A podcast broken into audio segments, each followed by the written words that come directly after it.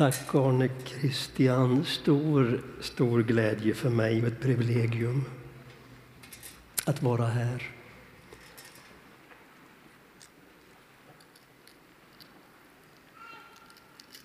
Låt oss bli stilla i bön.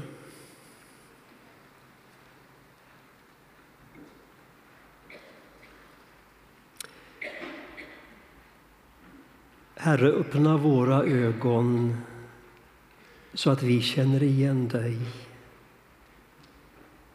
Öppna för oss skrifterna så att våra hjärtan fylls av hopp. Amen.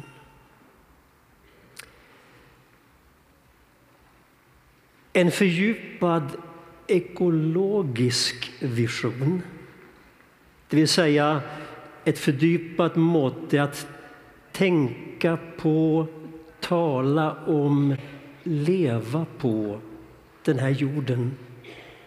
Grundad i skapelsen, men kanske ännu mer i inkarnationen. Inkarnationen om vilken vi sa igår, dess djupa och verkliga paradox är ju att skaparen själv helt och fullt vet vad det är att vara skapad. Detta kan ge oss en andlig kompass till hur vi utformar vårt dagliga liv med dess många valmöjligheter i den här världen.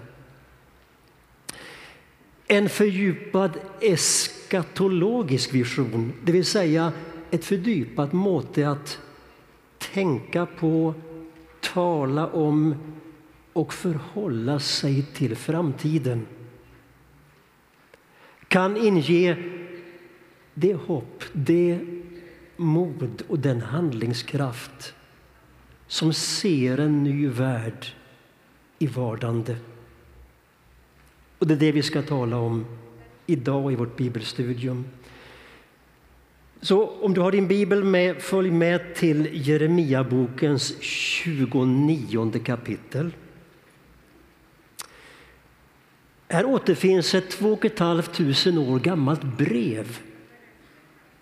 Ett brev som profeten skriver till sina landsmän som hamnat i en exil, i exil deporterats från Jerusalem till Babylon. Ifrån kapitlets början, alltså Jeremia 29.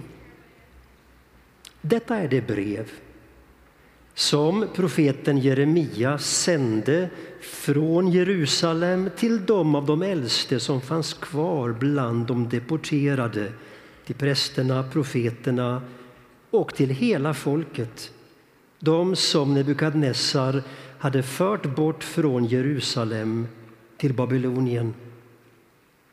Brevet löd, vers 4. Så säger Herren Sebaot, Israels Gud, till alla de deporterade som han fört bort från Jerusalem till Babylonien. Bygg er hus och bo i dem.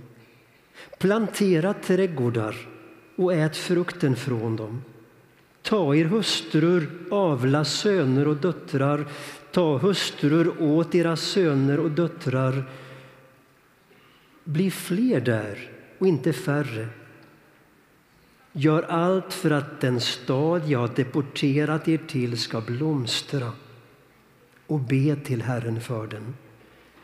Ty dess välgång är er välgång, säger Herren.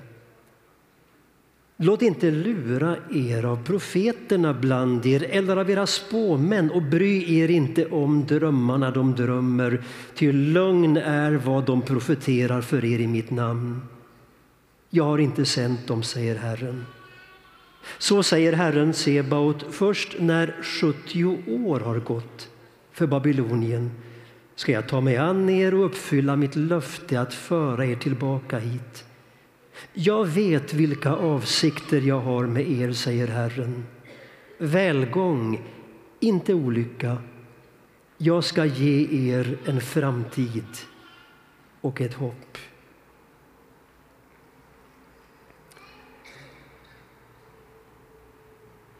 Jag tror icke att det finns någon verklig anledning att känna hopp. Ja, så uttryckte sig filmregissören Paul Schrader när han i en intervju kommenterade sin senaste film First Reformed. Paul Schrader som tidigare är känd för filmer som Taxi Driver, Tjuren från Bronx, Kristi sista frestelse. Hans senaste film väckte stor uppmärksamhet när den kom i USA förra året. First Reformed är en förtälling om existentiell förtvivlan inför en oundviklig miljökatastrof. En ung man, Michael, söker tillsammans med sin kone Mary upp pastorn i en fattig reformert kyrka utanför New York. Michael har alltmer begynt att ifrågasätta om det är värt att bilda familj och sätta barn till världen när nu världen ser ut som den gör. Hans kona råkar dessutom vara gravid, hon väntar barn. Pastorn Ernst Toller, som spelas av Eden Hawke känner sig nog mer som turistguide än andlig ledare i sin museiliknande kyrka.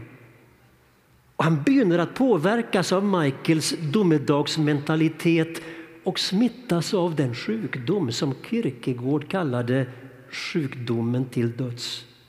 Förtvivlan och uppgivenhet. Denna film ställer verkligen spörsmålet på sin spets. Går det att hoppas när inga rationella skäl till hopp längre tycks finnas. Paul Schrader, regissören, säger själv ja, den som är optimistisk idag är helt enkelt icke uppmärksam. Men så tillägger han lite oväntat. Då blir spörsmålet, säger han, väljer du att hoppas? Väljer du att tro? Eller kapitulerar du till din förtvivlan? Orden om att välja att hoppas säger han att han har funnit hos den franske filosofen Albert Camus som sa vid något tillfälle jag tror icke, men jag väljer att tro. Och så gör Paul Schrader tillägget, han säger den sortens åtskillnad, den sortens forsell är relevant i världen vi lever i idag. Ja, den sortens Forsell var verkligen relevant för dessa människor som på 500-talet före Kristus drabbats av en monumental katastrof. Deras älskade Jerusalem hade invaderats av en främmande armé och själva hade de förts bort på en tårarnas väg till exilens Babylon. Missmodet hänger tungt i luften. Där de sitter på Kebarkanalens stränder under pilträden i Babylon och begråter sitt öde, begråter sitt förlorade hemland begråter sin förlorade tro. Och vi hör ju vad de säger i psalm 137 i psalmernas bok. Vid Babylons floder satt vi och grät när vi tänkte på Sion. I pilträden som växte där hade vi hängt våra lyror. De som höll oss fångna bad oss att sjunga. De som släpat bort oss bad oss om glada visor. Sjung för oss en sång från Sion. Men hur kunde vi sjunga Herrens sånger i främmande land?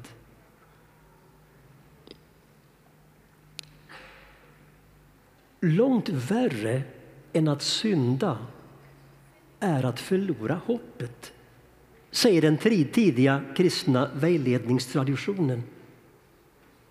Den som faller kan ju alltid resa sig upp och ta emot förlåtelse. Sju gånger, 70 gånger.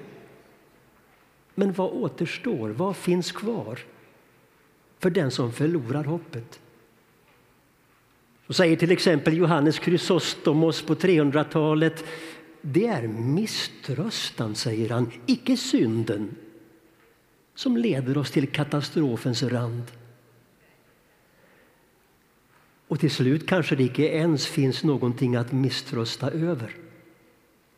Kvar återstår bara den farligaste formen av utopia, status quo. Det varken finns eller ens är önskvärt med någon förändring. Hur skulle dessa människor kunna finna en framtid när de icke fick bo i sitt älskade Jerusalem? Var livet värt att leva längre?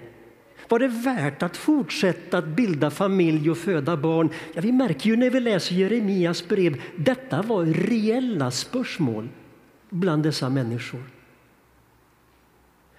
När veropen från de deporterade i Babylon når Jerusalem det är då profeten tar fram bläckhornet och så begynner han att författa ett brev till sina landsmän i exil. Och brevet har ju som vi hör ett häpnadsväckande innehåll. hör igen vad han säger. Bygg er hus, plantera trädgårdar, bilda familj, föd söner och döttrar, bli fler där och så vidare häpnadsväckande därför att dessa människor saknar ju både redskapen att formulera ett hopp och de saknar kraft att välja hoppet som livshållning. När prognoserna är som allra dystrast så lyder profetens budskap ni kan välja att tro på Guds löften.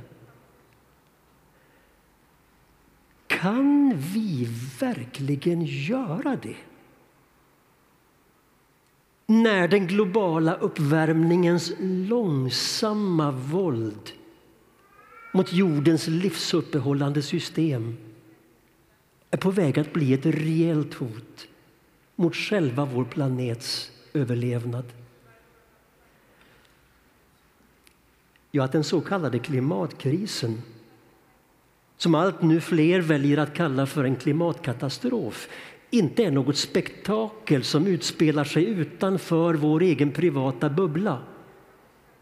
Det inser nog de flesta av oss nu. Men när forskarna säger klimatförändringarna övergår allt vi kan föreställa oss så har vi ändå svårt att riktigt ta det till oss. Kanske just för att det handlar om ett långsamt våld. Förändringarna störtar inte över oss plötsligt. De kommer långsamt, smygande. Och när forskarnas larmrapporter och mediernas skildringar inte stämmer med våra egna livserfarenheter ja, då skakar vi lätt av oss de obehagliga signalerna. Det känns som fiktiva fjärran verkligheter. Smältande permafrost i Sibirien, skövling av Amazonas regnskogar, döende korallrev. Allt detta känns svårgripbart för oss och långt borta. Och så rusar vi vidare med våra liv som etikprofessorn i Australien Clive Hamilton skriver. Vi rusar vidare medan vi ibland vänder oss om i irritation för att vifta bort klimatforskarna med framåtskridandets krucifix.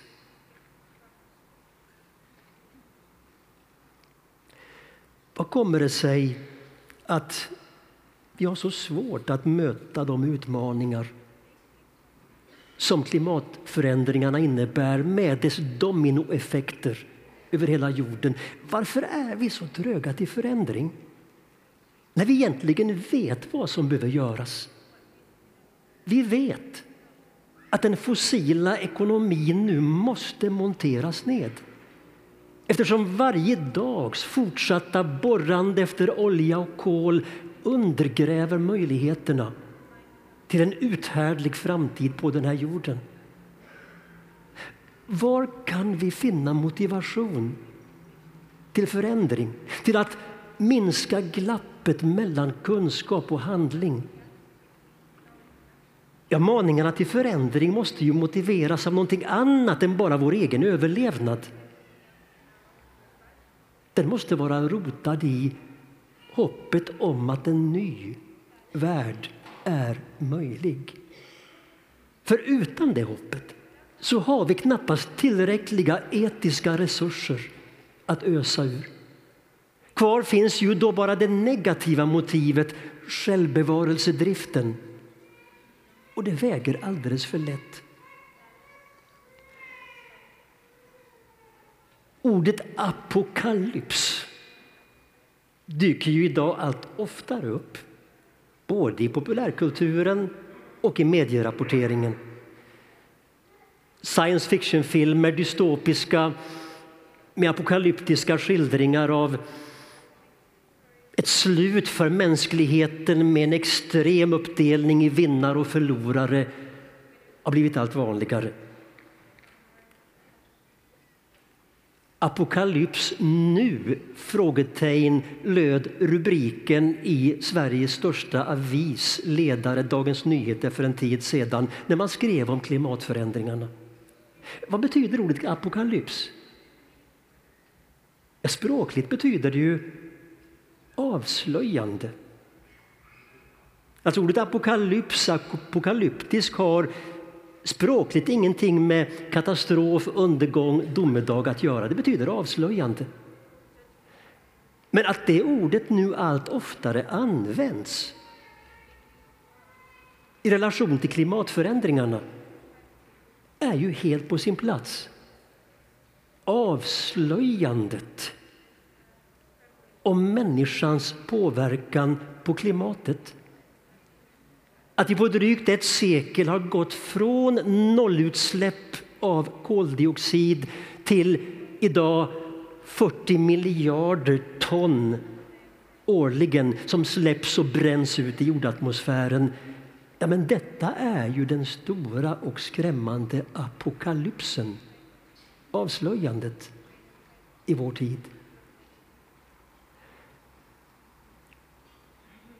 När den kristna tron talar om framtiden eh, så använder ju teologerna begreppet eskatologi som jag redan använt flera gånger. Och det är ju, om vi nu ska lära oss ordet, så är det ju sammansatt av två grekiska ord, eskaton och logos.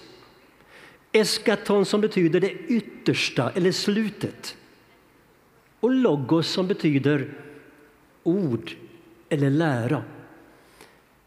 Så inom teologin, när man talar om eskatologin, så brukar man mena läran om eller undervisningen om eller förkunnelsen om de yttersta tingen om tidens slut. Men att förpassa eskatologin till själva upplösningen av vår tidsålder, alltså när de lösa trådarna i tron till sist då ska knytas ihop riskerar ju att beröva den all verklig betydelse för det liv som vi lever på den här sidan slutet. Eskatologin blir någonting som inte bara handlar om slutet. Den hamnar i slutet. I slutet av teologins läroböcker, i slutet av den kristna förkunnelsen. Den blir som teologen Jörgen Multman säger i sitt stora verk Hoppets teologi, det blir som ett löst hängande appendix som försvinner bort i obskyr irrelevans. Fast, tillägger Moltmann, egentligen säger han så är ju ordet eskatologi helt felaktigt. För det kan inte finnas någon lära om framtiden, om de yttersta tingen. Om vi nu med lära menar en samling teser som är grundade på händelser som inträffat, erfaringar som gjorts och är tillgängliga för alla. Ordet logos ja, det syftar till en verklighet som alltid existerar här, nu, alltid. Och I den meningen kan det inte finnas något logos om framtiden såvida icke framtiden har en inteckning i nuet. Den kristna eskatologin den handlar icke om framtiden som sådan. Den utgår från en obestridlig historisk verklighet. Kristi uppståndelse från de döda och förkunnar hur denna verklighet för alltid innebär ett försprång framför allt det som vill beröva oss en framtid. Det egentliga slutet för vår tidsålder har redan inträffat. Det inträffade i och med Kristi uppståndelse från de döda. Den händelse som allt hopp utgår från. Första Petrusbrevet 1.3. Han har fött oss på nytt till ett levande hopp genom Kristi uppståndelse från de döda. Allt i kristendomen, all teologi, all förkunnelse, all mission, all etik, allt discipelskap, allt, allt roterar kring en avgörande händelse, påsken. Påsken består av tre heliga dagar. I den gamla traditionen på latin kallad Tridum sacrum som för kyrkan inte bara innebär historiens och liturgins brännpunkt men som är ett skeende med kosmiska konsekvenser. Det vill säga, Kristi uppståndelse utgör den arketypiska, eller om vi så vill profetiska modellen för allt skapat. Allt det som är skapat genom Kristus och till Kristus som vi läste igår i Kolosserbrevet kapitel 1 äger löfte om att dela hans uppståndelse. Allt, allt. Vi kan inte förstå själva essensen, kärnan i det som i kristen tro kallas eskatologin om vi inte förstår att kyrkan, kristendomen, är eskatologisk till sitt väsen, till sin natur. Enklare uttryckt, kristendomen begynner med slutet. Kristendomen begynner med slutet. Och därför kan eskatologin, om den handlar om slutet, icke komma sist. Det här är ju någonting som levandegörs både genom den måte på vilken kyrkans år, det vi kallar kyrkoåret, är format. Men ännu mer naturligtvis genom liturgin, mässan, gudstjänsten, eukaristin som kyrkan alltid firar på veckans första dag. Om vi tänker på kyrkoåret så slutar ju det med ett antal söndagar vars tematik handlar om slutet. Och allra sist kommer ju den söndag som vi både i Sverige och Norge kallar för domsöndagen. Alltså eskatologin, den yttersta tiden. Och sen går vi in i ett nytt kyrkoår som begynner med adventstiden. Men vad är det vi märker då? Jo, slutet överlappar begynnelsen. Advent är ju julens förberedelsetid. Och då kan man bli lite förvånad över att de första två söndagarna i advent de handlar inte alls om julen, inte ett dugg. De handlar om slutet. Första söndagen i advent så möter vi en förtällning ur evangelierna som finns på en annan söndag under året, palmsöndagen. När Jesus rider in i Jerusalem. Och där är ju den förtällningen så att säga på sin rätta plats historiskt i begynnelsen av Jesus sista vecka. Så varför placerar kyrkan denna förtällning första söndagen på kyrkoåret? Nu avkodas denna förtällning profetiskt och blir en förkunnelse av Kristi återkomst som konung. En ny jord och nya himlar. Och så kommer nästa söndag som handlar om riket som kommer ännu tydligare att kristendomen begynner med slutet är det ju när vi firar gudstjänst. Om vi tänker på den tidiga kyrkan, när man samlades på den dag vi kallar för söndagen och skulle fira gudstjänst. Vad var det första prästen, gudstjänstledaren, sa till menigheten när man hade samlats? Välkomna, det var trevligt att se er. Ja, det kunde han säga i och för sig, men det var icke det han sa. Vad var det allra första? Frid vare med er. Varför var det det första? Därför att det var de allra första orden som Jesus sa när han på påskdagens kväll mötte sina disciplar i ett fällskap. Frid vare med er. Och så andas han på dem, pustar på dem och säger ta emot helig ande. Och när menigheten, när kyrkan i den tidiga kristenheten mötte den här hälsningen på söndag morgon så rörde anden vid hjärtat och så blev det på nytt så levande. Ja, vi lever på andra sidan uppståndelsen. Icke bara på andra sidan uppståndelsen i historisk mening, Kristi uppståndelse. Vi lever på andra sidan vår egen död och uppståndelse. För i dopet har vi ju lagt vår död bakom oss och trätt in i den nya tiden. När vi säger att vi har lagt vår död bakom oss så kan ju det låta både lite märkligt och provokativt.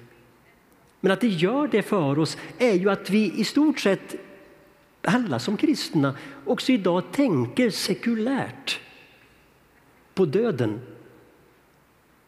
Det vill säga, vi tänker som om döden primärt är den biologiska döden. Men ur ett kristet perspektiv så är det rent av en heresi, en villfarelse. Den biologiska döden är inte den egentliga döden. Man kan ha del i döden fastän man lever. Och man kan vara fri från döden fast man ligger i graven. Den egentliga döden är den andliga döden. Så när kyrkan över hela världen ropar, sjunger på påsknatten med döden nedtrampade du döden och åt dem som är i gravarna har du gett ett evigt liv. Då menar kyrkan detta. Hon tror det av hela sitt hjärta. Döden finns icke längre efter Kristi påsk. Och när vi säger det försöker vi icke förtränga tanken på att vi en dag ska dö. Om icke Kristus kommer åter dessförinnan men det vi säger är, och det vi tror är, att efter Kristi påsk så har döden förvandlats till en tröskel. Den biologiska döden som vi passerar för att fullt ut dela det eviga liv, den framtid, det eviga liv som ju icke begynner på andra sidan den biologiska döden, för så tänker vi väl inte? Som begynner på andra sidan dopet i vatten och ande. Den här visionen var urstark bland de tidiga kristna och knöts framför allt till den dag på vilken man firade gudstjänst. Ibland har vi som kristna trott, och det har varit en seglivad och är föreställning, att de tidiga kristna ersätter sabbaten med söndagen. Det gör de inte alls. Det är ett historiskt missförstånd. De tidiga, de allra första kristna som är judar fortsätter ju att iaktta sabbaten, förbundstecknet för detta folk. Men vi ser redan i apostlagärningarna att redan från begynnelsen så gör de en annan dag till sin primära gudstjänstdag. Den första dagen i veckan. Varför? Bara ett enda skäl. Det var den dagen i gryningen som kvinnorna kom till graven och fann den tom. Uppståndelsens dag. Och så ger man mycket snart denna dag ett annat namn. Man begynner att kalla den för den åttonde dagen. Och det där uttrycket det finner man i den gamla judiska Henokslitteraturen. Några böcker som finns mellan gamla och nya testamentet som är citerade i nya testamentet. Där står bland annat Gud har också skapat den åttonde dagen. Ja, sa de tidiga kristna, det är ju söndagen, den första dagen. Hur tänkte man? På sex dagar skapar Gud världen. Den sjunde gör han till sin och människornas vilodag. Men bortom skapelsens sju dagar väntar en dag som är olik alla andra.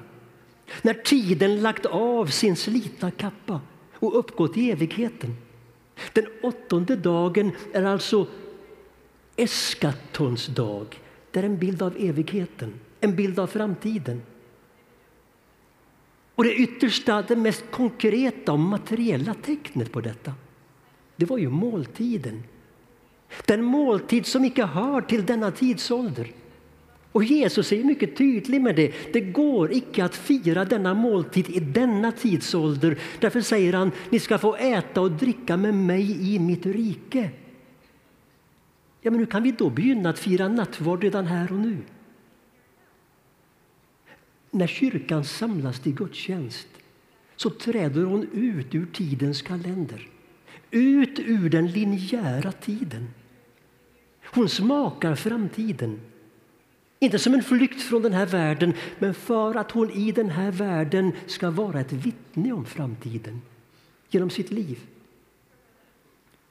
Och jag säger igen, den här visionen var urstark i den tidiga kyrkan och den genomsyrade nattvardsbönerna.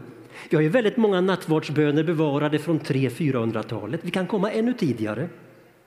Och vi ser i texterna redan på 200-talet, sannolikt ännu tidigare, så var det utbrett i församlingarna att när bordet hade dukats och måltiden skulle firas, det första prästen, gudstjänstledaren, sa var de här orden Upplyft era hjärtan. Känner vi igen det? Men var vi än kommer i världen där mässan firats något så när i allmänkyrklig tradition så möter vi på världens alla språk dessa ord Upplyft era hjärtan. Och det är intressant att tänka, tänka på, här är vi i kontakt med en mycket, mycket tidig kristenhet. Redan 200-talet, kanske ännu tidigare. Varför begynte man att säga så? Varifrån kom det? Johannes åpenbaring kapitel 4. Johannes ser in i himlen, den himmelska gudstjänsten pågår och så hör han de tre orden, rösten som säger Kom hit upp. Det är därifrån det kommer. Varje gång vi hör prästen säga upplyft era hjärtan så kan vi tänka på det är egentligen nu Jesus som säger kom hit upp. Och när Johannes Chrysostomos kommenterar de här orden, upplyft era hjärtan, så säger han till sin församling, ja men när vi hör de orden, då uppmanas vi att lämna våra jordiska omsorger och bekymmer bakom oss och stiga upp dit där vi hör hemma. Men icke som en flykt från jorden, utan för att kyrkan ska bli himlen på jorden. Varje liturgi firas för att världen ska bli vad den är tänkt att vara. Och den kan bara, det kan den bara bli om vi människor blir det vi är tänkta att vara. Och jag tar lite tid med detta, därför att när vi idag på Forsell måte talar om gudstjänstens förnyelse och fördjupning så menar jag det primära är icke det som vi tekniskt kallar för ordot i gudstjänsten, alltså den yttre ordningen. Ska vi göra så eller så, eller ska det komma först och det sen? Det har sin betydelse. Men långt, långt, långt viktigare är att vi genomrerar den vision som gudstjänsten är förbunden med. Kristendomen begynner med slutet. Vi träder ut ur tidens kalender, vi smakar framtiden för att våra liv ska bli ett vittnesbörd, en doft om den framtiden här och nu. Tillbaka till Jeremias brev, det 29 kapitlet. Vi märker ju här att det finns ett spörsmål som uppstår och som Jeremia berör i sitt brev. I dystopiska tider, när förtvivlan, hopplöshet breder ut sig, då är det plötsligt många röster som vill ha vår uppmärksamhet. Vem ska man lyssna till? Vem vågar man lita på? Spörsmålet om sann och falsk profetia. Vi hörde Jeremia beröra detta i brevet, för det fanns en grupp profeter som blev en slags förnekelseprofeter i Babylon. Och Jeremia säger, lyssna inte till dem. Spörsmålet om sann och falsk profetia, urskiljning, bedömelse, discernment. Detta är en röd tråd genom hela Jeremias bok. Och jag ägnar ett längre kapitel åt detta i min bok om profeten Jeremia. Hur ska man veta? Ja, ett kriterium på sann profetia i lyset av det vi talar om nu. Sann profetia är alltid det tal som hjälper oss att tänka på framtiden utan att förlora livsmodet. Ja, men alla prognoser. Massvält, klimatkris, pandemier, kärnvapen. Och jag vet inte om jag är speciellt optimistisk till min läggning.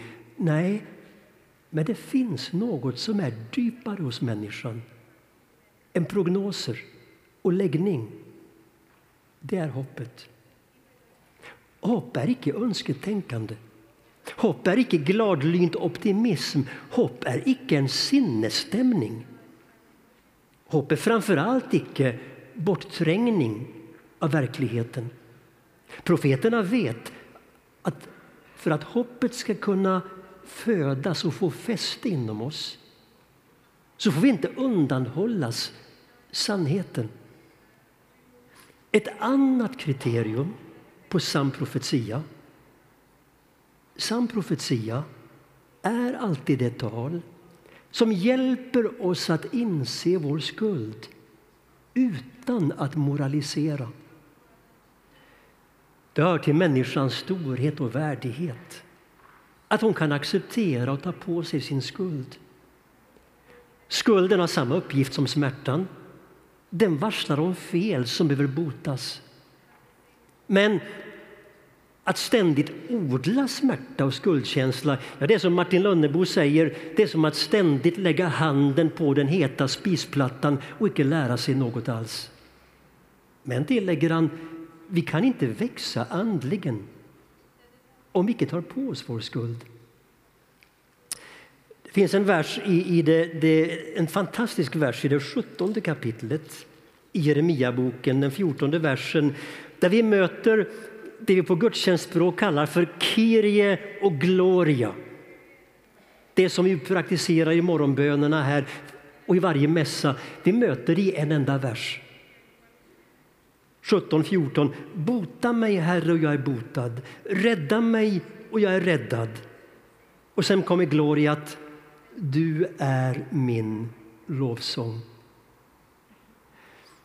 Här nämns ju boten och vi har ju samma ord för det, både svensk och norsk.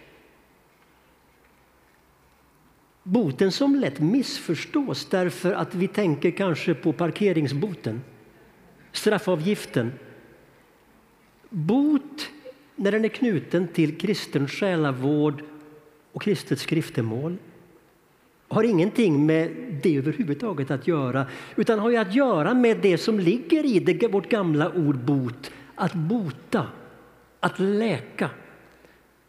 Och jag noterar att i den norska översättningen så står det ju faktiskt, där jag läser i min svenska bibel, bota mig Herre och jag är botad, så står det i den norska bibel, helbred mig och jag blir helbredad. Alltså det är botens, det, det är synonyma ord. Förlåtelsen är fri, gratia.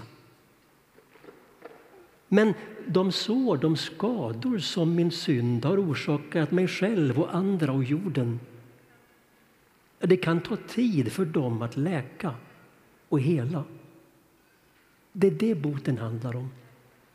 Boten är den väg jag går i glädje över att ha fått ta emot förlåtelsen den väg jag går och de handlingar jag gör som läker och helar. När vi talar om läkningen av vår jord, om kampen mot klimatförändringarna då ska vi inte föreskriva varandra entydiga lösningar. För det kan se väldigt forskälligt ut. Men det finns ju något som alla seriösa forskare som arbetat med dessa spörsmål framhåller.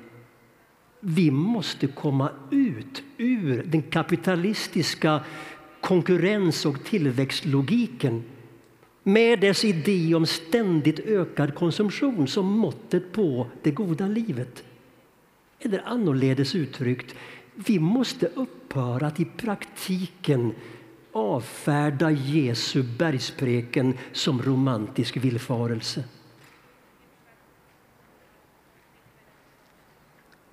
Hur kan Jeremia förmedla det hopp han gör? Om vi bara något lite kan leva oss in i bakgrunden och tillståndet för dessa människor. Då urskiljer jag några övertygelser, några bevisstheter som, som genomsyrar hans brev. Den första är Gud är här, Gud är överallt. Ja, det var ju så, förlusten av Jerusalem, av templet var för dessa människor som en förlust av Gud. Vad är det Jeremia gör? Han hjälper sina landsmän långsamt till en annan, till en helt ny måte att tänka. Där vi är, där är Jerusalem. Oj, så hade man aldrig tänkt tidigare. Och så möter vi lite senare samma människor på samma stränder vid Kebarkanalen under pilträden i Babylon. Och nu samlas de där på sabbaten i hus som dyker upp för första gången i historien som får namnet synagogor. Där samlas man till bön iklädda tofsprydda mantlar som Mose lärt dem. Och så stärks samhörigheten och identiteten. Tänkte vi på, när vi lyssnade till brevet, att det är bara en religiös praktik som Jeremia föreskriver för alla, nästan alla råd han ger det är rent sekulära, världsliga, vardagliga råd. Alltså om hur man kan forma ett fällskap där sådant som odling, matvanor, arkitektur, bygghus, säger han, familjebildning blir råmaterial för en ny framtid. En religiös praktik, vilken? Bön. Upphör aldrig i allt det ni gör att leva ett liv i bön. Gud kändes först oändligt frånvarande i Babylon. Verkligheten var den motsatta. Han var oerhört nära. I landsflyktens förtvivlan, i den blödande katastrofhärden. Men när bönen tystnar dör Gud för människan.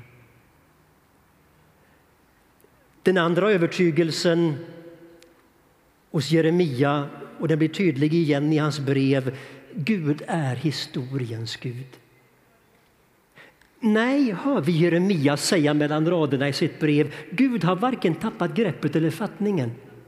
Det är inte Nebukadnessar, det är inte farao Neko, det är inte Trump, det är inte Putin, det är inte EU som styr världens öden. Gud har allt i sin hand även om ni inte förstår hur. Och kanske märker man att han säger mellan raderna, kanske låter Gud nu för en tid Babylon vara den plats där ni får mogna och växa upp.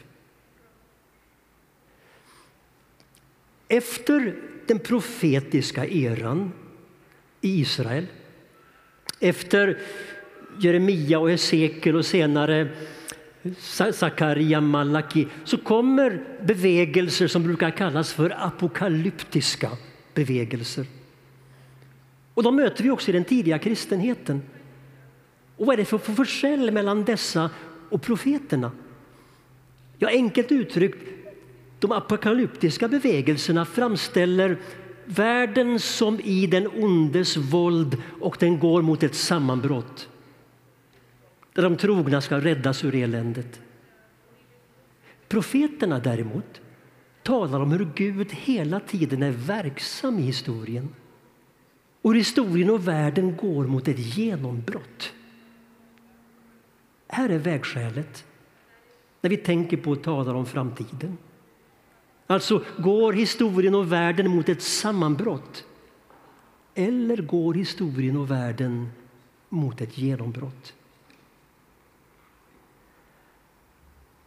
Det tredje och sista som jag vill lyfta fram som kanske det viktigaste som utmärker Jeremias brev det är förtröstan på Guds trofasthet.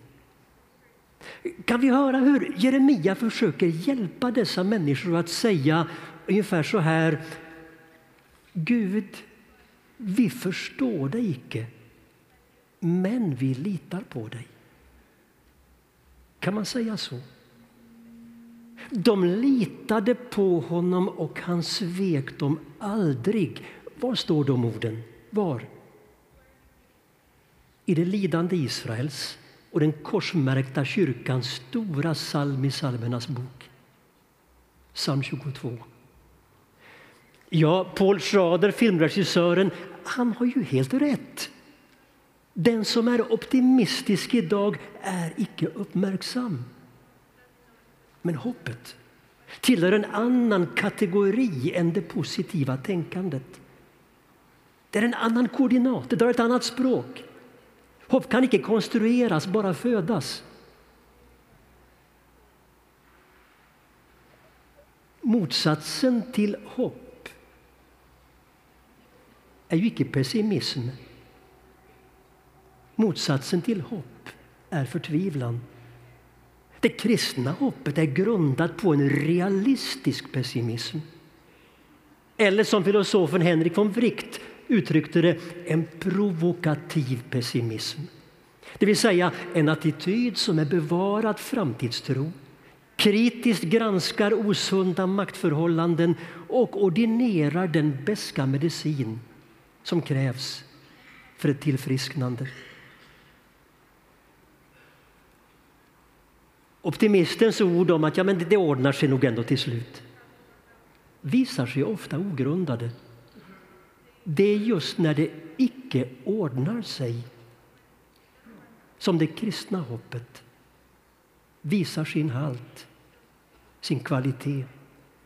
I förföljelsens malström så är det hoppet som låter martyrerna bevara sin mänsklighet och värdighet. Icke ett hopp om att lidandet ska ta slut men om att det är infogat i en större bild. Hoppets språk i Bibeln är ett slags poetiskt teologiskt språk. Och det är inte för inte som de stora profeterna är stora poeter. Tänk på att två tredjedelar av bibeltexten i Jeremias bok tillhör denna litterära genre, poesin. Alltså profeterna lägger det konventionella språket åt sidan. För de inser att det räcker inte till när vi ska försöka tala om Guds framtid. Jeremia har ibland beskrivits som en av de mest lysande poeterna i Israels historia. Detta språk handlar om Gud och oss. Det handlar om, som teologen Walter Brüggemann säger, och jag citerade det redan igår, det handlar om att Guds trofasthet är ett veto mot människans trolöshet. Vi kan släcka kärlighetens lågor, flammor på jorden. Vi kan göra det. Men Guds kärlighet till sin skapelse slocknar aldrig. Det heter så betecknande om Jesus i inledningen av Johannes evangeliets trettonde kapitel. Han älskade dem in till slutet.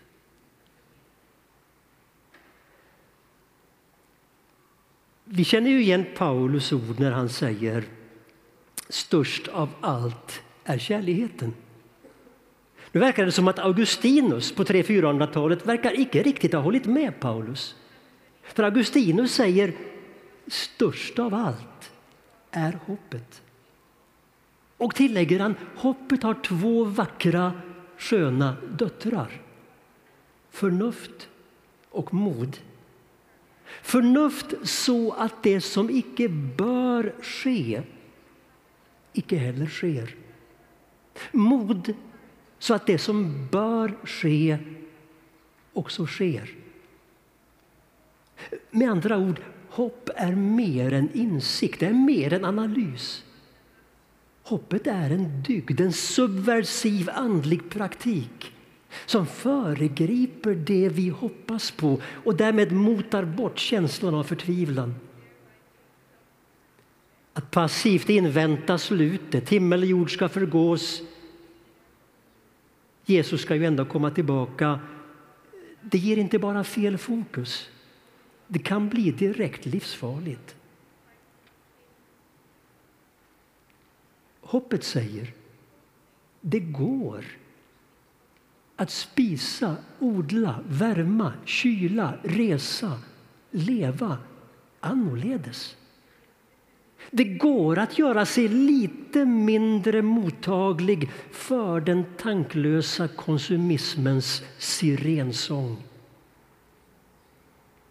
Det kanske inte känns så. Men varje litet beslut gör en forsell.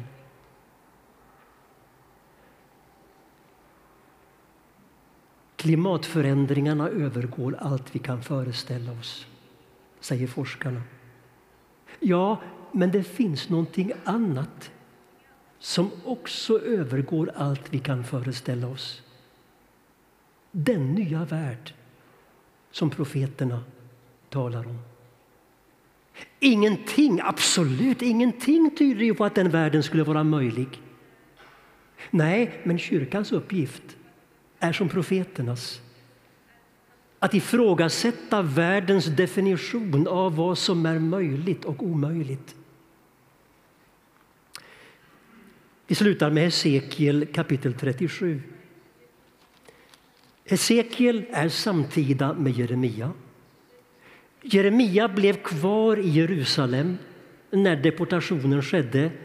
Hesekiel var en av dem som deporterades.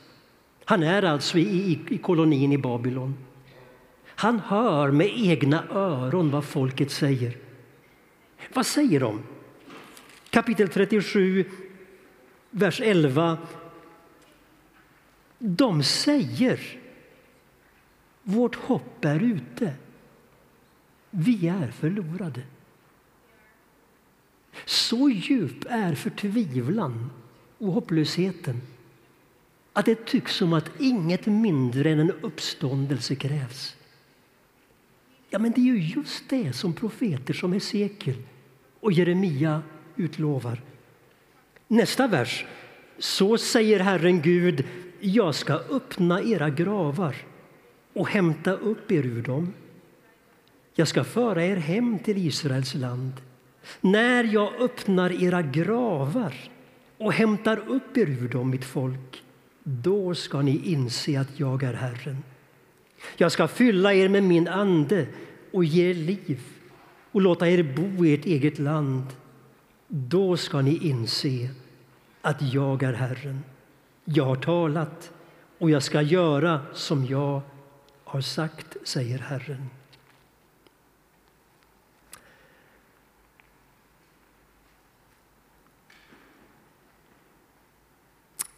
Kära vänner, systrar och bröder.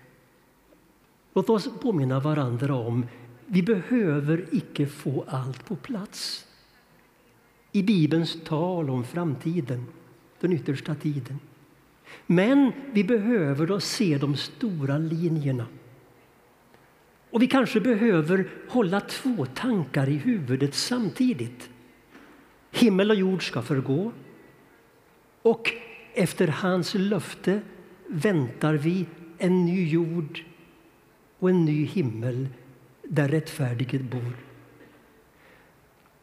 Det kan hjälpa oss att se inte bara hur förtällningarna i Bibeln om framtiden är djupt trösterika men också hur de angår oss i våra liv här och nu.